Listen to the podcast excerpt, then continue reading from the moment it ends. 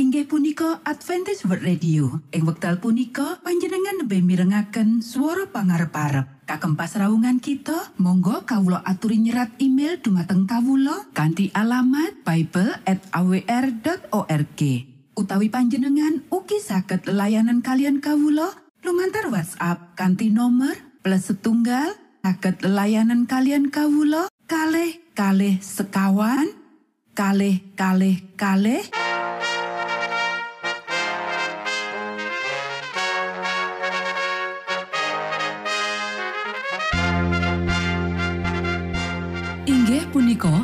Adventist World Radio ingkang giaran kanti basa Jawi. Tentrem Rahayu kula aturaken kagem para mitra kinasih ing pundi papan lan panggonan. Sugeng pepanggian malih kalian Adventist World Radio. Kanti bingahing manah Kulo badi sesarengan kalian poro mitra kinasih lumantar saperangan adicara ingkang sampun rinonci mligi kagem panjenengan sami. Mugi giaran punika saged migunani tuwin dados berkah kagem kita sedaya. Sugeng midhangetaken Gusti amberkahi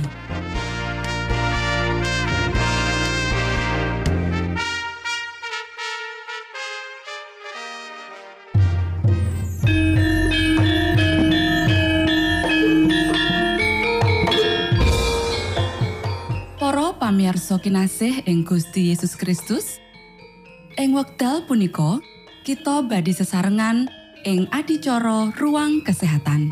Ingkang saestu migunani kagem panjenengan soho kita sami. Tips utawi pitedah ingkang dipun aturaken ing program punika tetales dawuhipun Gusti ingkang dipun nyatakaken ing kitab suci. Semanten ugi sakehing seratan ingkang dipun wangsitaken dening Gusti Allah. Nanging saderengipun, monggo kita sami midhangetaken kidung pujian.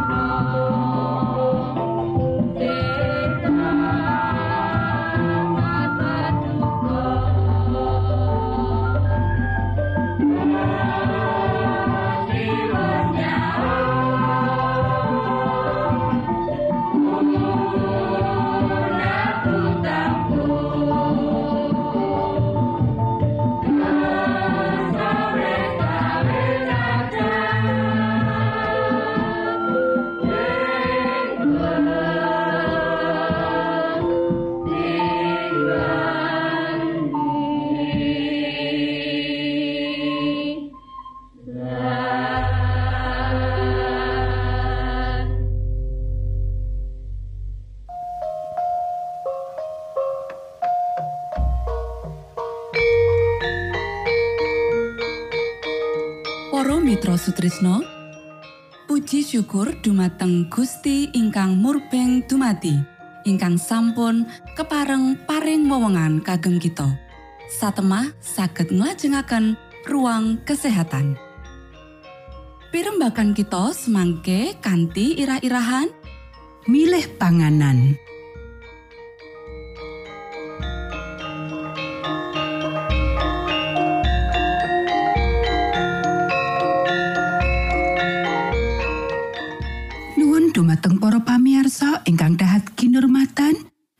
pepanggihan malih kalian kula Isti Kurnaidi ing adicara ruang kesehatan. Ing dinten punika kanthi irah-irahan milih panganan. Para sedherek ingkang kinasih menawa dicawesake kanthi bener woh zaitun kaya dene kacang-kacangan bisa ngganteni mentega lan daging. Lenga zaitun luwih becik tinimbang lenga saka kewan utawa gajah. Lenga zaitun migunani dadi bahan pencahar. Gunakake lenga zaitun bakal migunani kanggo ngobati lara paru-paru lan nambani lambung sing radang lan ngalami tatu.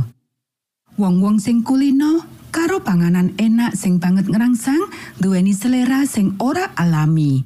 lan dheweke ora langsung bisa ngrasakake panganan sing biasa lan prasaja. Perlu wektu kanggo mbalekake selerane dadi normal lan supaya lambunge pulih saka penyalahgunaane sing disandang. Nanging wong sing kanthi tekun nggunakake panganan sing nyihatake, sakwise sawetara wektu maneh bakal ngrasakake lesat. Cita rasane sing alus lan nikmat bakal diajeni lan iku bakal dipangan kanthi kanikmatan sing luwih gedhe katimbang panganan mewah sing ora nyihatake. Lan weteng sing sehat, sing ora loro, lan ora dijejeli karo panganan bisa langsung lakokake tugase. Apa kowe padha ora sumurup yen wong kang melu ana ing pambalapan iku kabeh padha lumayu nanging mung siji kang tampa ganjaran? Mulane padha lumayu amrih kowe bisa tampa ganjaran. Para sedherek ingkang kinasih, kanggo ngupeni kesehatan diperlokake suplai cukup kanthi panganan sing apik lan nyihatake. Menawa kita ngrancangake kanthi wicaksana, panganan sing paling cocok kanggo kesehatan bisa diolehi ing meh kabeh negara. Maneka warna suguhan saka beras, gandum, jagung lan celai dikirim menyang endi mengkono uga karo puncis, kacang polong lan miju-miju. Jenis-jenis panganan iki ditambah karo wowoan lokal utawa impor lan maneka warna jenis sejanganan sing tukul ing saben daerah menehi wewengan kanggo milih menu panganan sing komplit tanpa nggunakake daging. Para sederek, ing endi wowoan bisa tukul kanthi limpah? Pasediaan sing akeh kudu dicawesake kanggo mangsa adem kanthi cara dikaringake utawa dikalengke. Woh-wohan cilik kaya kismis, frambus, lan maneka warna jenis murbe bisa dukul kanthi apik ing akeh panggonan ing hasile sedidik digunakake lan nandure dilirwakake. Kanggo cara pengalengan ing omah, sak bisa-bisane gunakno toples kaca dudu kaleng aluminium. Iki diperlokake supaya woh-wohan sing dikalengake isih ana kahanan sing apik. Gunakno sedidik gula lan masakan woh iku mung cukup kanggo jamin awete. Menawa disiapake kanthi cara mangkono, mula woh-wohan iku mujudake pengganti sing paling apik kanggo woh seger.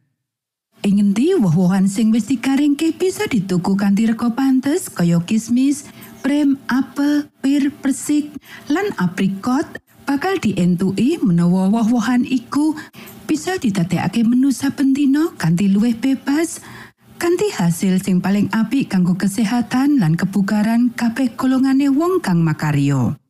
Para sedherek ingkang kinasih, ojo kakean macem panganan sakjroning mangan ping pisan. Merga iki condong nyurung wong akeh mangan lan jalari gangguan pencernaan. Ora apik mangan woh-wohan lan sayuran ing wektu bebarengan. Menawa pencernaan ringkih, mula nyantap loro-lorone asring bakal nyebabake kangelan lan ora bisa kanggo nggunakake kapisan mikir. Luwih becik mangan woh-wohan ing sawijining wektu mangan lan mangan jejanganan ing wektu mangan liyane. Para sederek, panganan kudu maneka warna. Panganan sing padha yen dilatihake nganggo cara sing padha, aja dilatihake saka wektu menyang wektu lan dina-dina. Panganan bakal didahar kanthi ati seneng lan awak nyerep kanthi luwih apik menawa panganan iku maneka warna. Matur nuwun, Gusti amberkahi.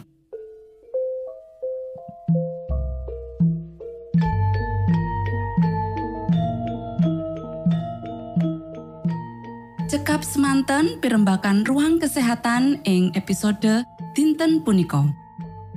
Ugi sampun kuatos jalaran kita badhe pinanggih malih ing episode sak lajengipun.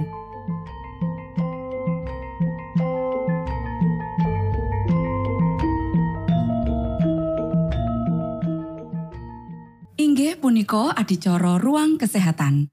Menawi panjenengan gadah pitakenan utawi ngersakaken katrangan ingkang langkung, monggo kulo aturi kinton email dateng alamat ejcawr at gmail.com utawi lumantar WhatsApp kanti nomor 025 pitu 00 songo songo papat 00 pitu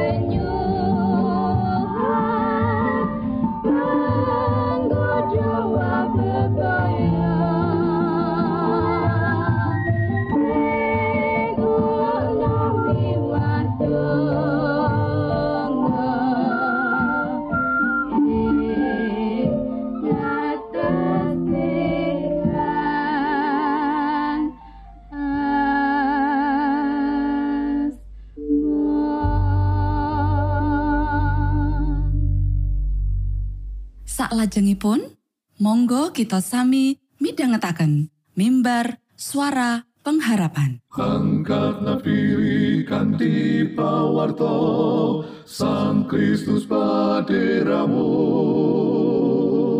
Pro umat samyo puji asmanyo Sang Kristus paderamu Inggih punika mimbar suara pengharapan. Ing episode punika kanthi irah-irahan manggihi panguasanipun wonten ing Sang Kristus. sugeng midhangetaken. Tondo Sang Kristus paderamu ilmu kawero tambah lan tambah Sang Kristus paderamu paderamu Sang Kristus paderamu Shalom, para pamiarsa ingkang kinasih wonten ing Gusti. Sakmenika kita badhe mitangetaken renungan Sabto pangantikanipun Gusti. Ing dinten punika kanthi irah-irahan manggihi panguasanipun wonten ing Sang Kristus. Para sedherek ingkang kinasih wonten ing Gusti, Sabto pangantikanipun Gusti wonten ing kitab Efesus pasal 6 ayat setoso lan 11 inggih punika Wasana padha dadi santosa ana ing patunggilane Gusti lan ing kasektening panguasane. Padha sikepa praboting prangi Gusti Allah supaya kowe bisa ndahi gelar kaculikane iblis. Para sedherek ingkang kinasih, Rasul Paulus mungkasi sedaya seratanipun kanthi panimbalan ingkang sura kagem perang lan nunggalaken irah-irahan tuwin gagasan ingkang wigati kagem seratan punika kanthi setayanipun.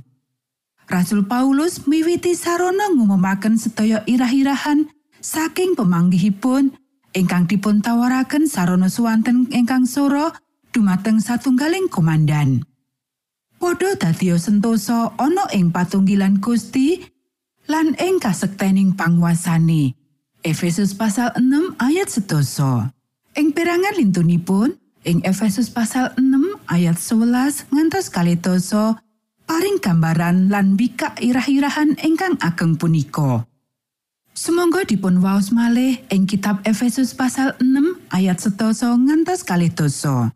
Wasana padha dadi santosa ana ing patunggilane Gusti lan ing kasektening panguasane. Padha sikepa praboting prangi Gusti Allah supaya kowe bisa ndahi gelar kaculikane iblis. Awit kang kita tandingi iku dudu daging lan getih. Nanging para pamarentah, para panguwasa, para panggedhening jagat kang peteng iki, para rohing kadursilan kang ana ing langit. Mulane padha nyandak praboting prangi Gusti Allah supaya kowe bisa nyembatani samosa tekani dina kang ala iku lan tetep tanggo sawise kowe ngrampungake sakabehe. Mulane padha dipanggah lambungmu sapu ana ing kayekten lan ngrasuka keadilan minangka kere. Sikilmu nganggo trumpah jumandangmu marang Injiling tentrem rahayu. Sajrone mangkono iku padha nganggo tamenging pracaya markane kowe bakal bisa nyirep saking panah geni saka si pangawak dursila. Karo maneh padha nampanono tetapa karahyon lan pedang roh ya iku sabdaning Allah. Ing sajroning pandonga lan panjuwunmu kabeh padha tansah ndedonga ana ing patunggilaning roh sarta padha meleka lan diteken anggonmu padha nyenyuwun kanggo para suci.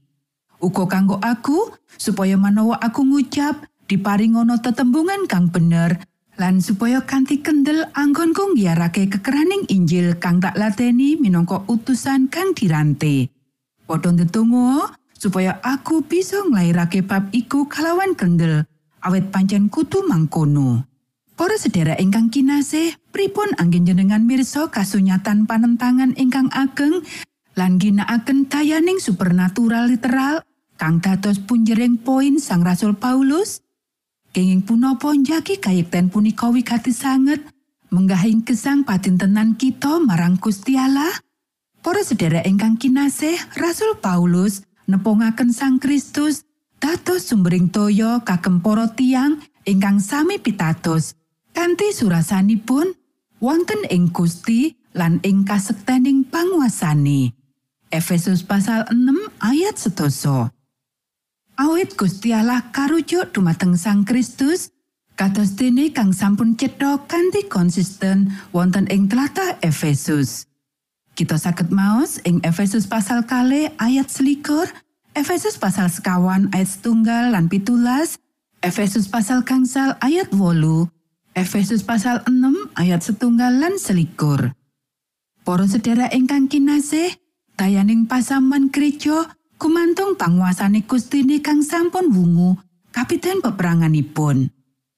Rasul Paulus tansah ginakaken pangulangan tembung ing seratan Efesus pasal 6 ayat sedoso ugi ginakaken sanepan kuaos lan toyo kagem negesi tujuanipun toyo ingkang kedah dipun tunjukaken dumateng pasamuan gereja boten namung nempel marang para tiang pitados ananging saged lestantun kagem tedhak turunipun punika asale saking Gusti Allah saking Sang Kristus Rasul Paulus nengkesi ing mriki irah-irahan kang wigati saking seratan punika.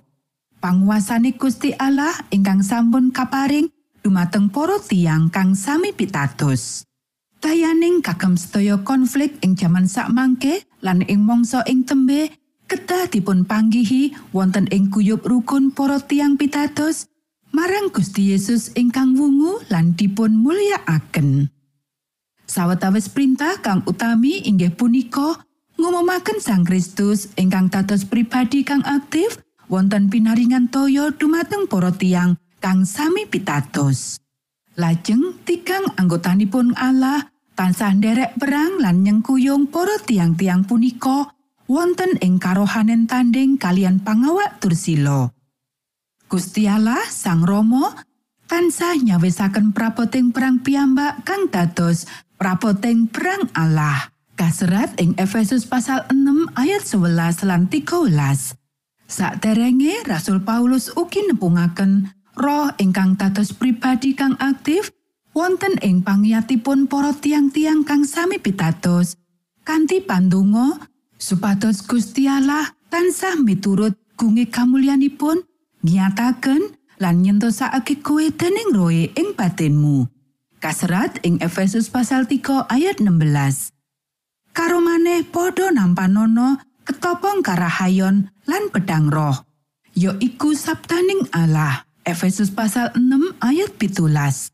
Padha tansah ndedonga ing patunggaling roh. Efesus pasal 6 ayat wolulas.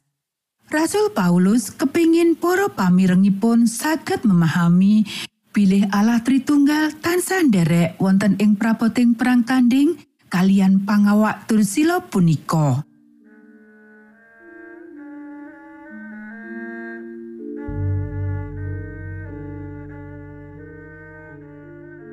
Para Mitra Sutrisno pamiarsa kinasih ing Gusti Yesus Kristus.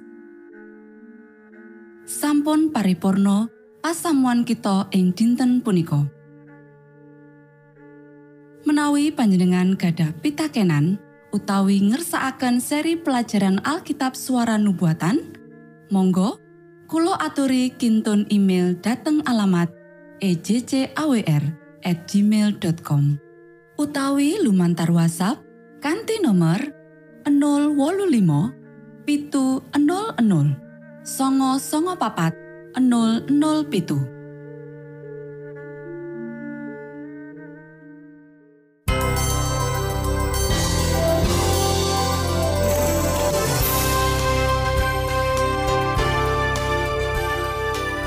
Matur nuwun kagem wektalipun. Kita badhe pinanggih malih ing gelombang ugi wekdal ingkang sami. Saking studio kula ngaturaken tentrem rahayu. Gusti amberkahi kita sedoyo. Maranata.